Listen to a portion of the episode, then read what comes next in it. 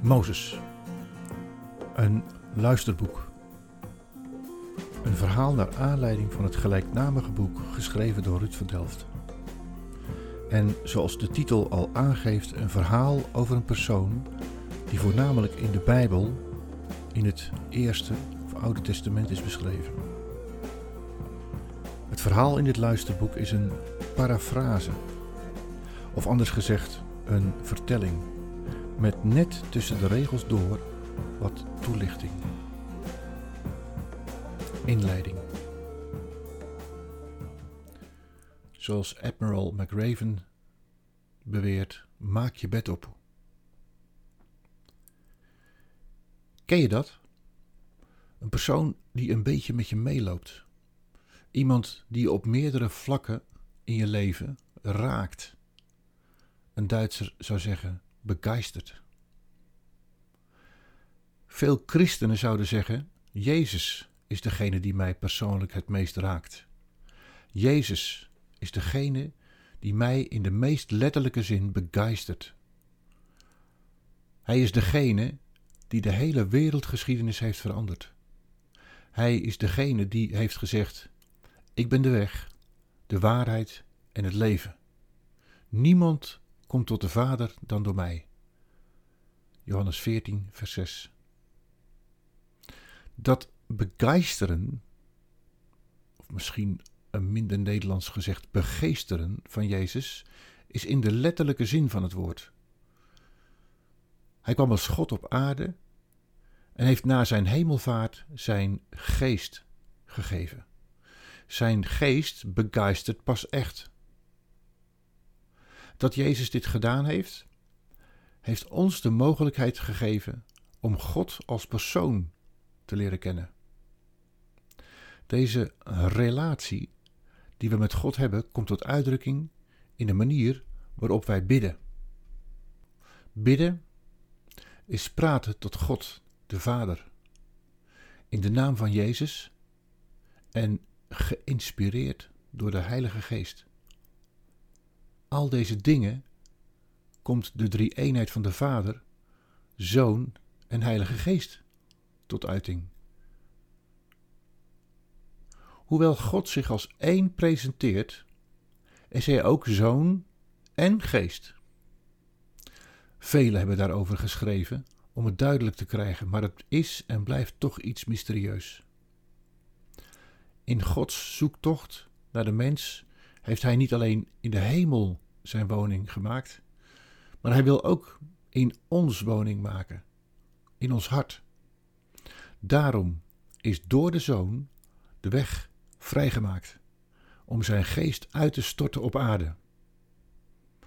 Het starten met God aan het begin en daaruit volgend de Zoon en de Geest. Hoe eenvoudig dat ook mag klinken, het is en het blijft een groot mysterie, wat zich niet makkelijk laat vangen in woorden. Wij mogen zijn geest toelaten in ons leven. En zodoende is hij niet alleen in de hemel, maar ook door ons heen op aarde. Door zich als drie enig God te presenteren, is er de mogelijkheid gekomen dat wij mee mogen doen. Anders gezegd, God is in de hemel en in Jezus' naam ook in ons hart. We zijn als het ware onderdeel van die drie eenheid. Gods manier van verschijnen op aarde heeft de mogelijkheid gecreëerd dat ook jij een relatie mag hebben met God, jouw Vader. Bid en laat Hem toe in je hart, of met andere woorden, in je gedachten, in je handelen en je keuzes die je dagelijks maakt. Doordat je in relatie met Hem bent, is het mogelijk een leven te leiden zoals God het bedoelt. Dat begint met Hem lief te hebben en vervolgens je naaste als jezelf. Het ontstaat door contact met Hem te hebben, door op te staan en in gebed je leven te vervolgen, Hem de leiding van je leven te geven en te luisteren naar Zijn wil. Praat met Hem, ook al heb je het gevoel dat je niet gehoord wordt. Vertrouw erop dat jouw gevoel er in deze het niet bij het rechte eind heeft. Het bijzondere is dat als je gaat bidden, je zult merken dat je de weg mag volgen zoals God die van tevoren heeft bedacht. Doordat Hij als Vader jouw leven leidt, zal je merken dat je dingen samen met Hem gaat doen. Bidden is dan tot God in Jezus' naam met de woorden van de Heilige Geest. Zo uitzicht dan volkomen betrokkenheid van God in jouw leven. In dit laatste hoofdstuk van het luisterboek daag ik je uit om die relatie met Hem aan te gaan. Naast Jezus zijn er meerdere personen die in de Bijbel ter inspiratie beschreven staan.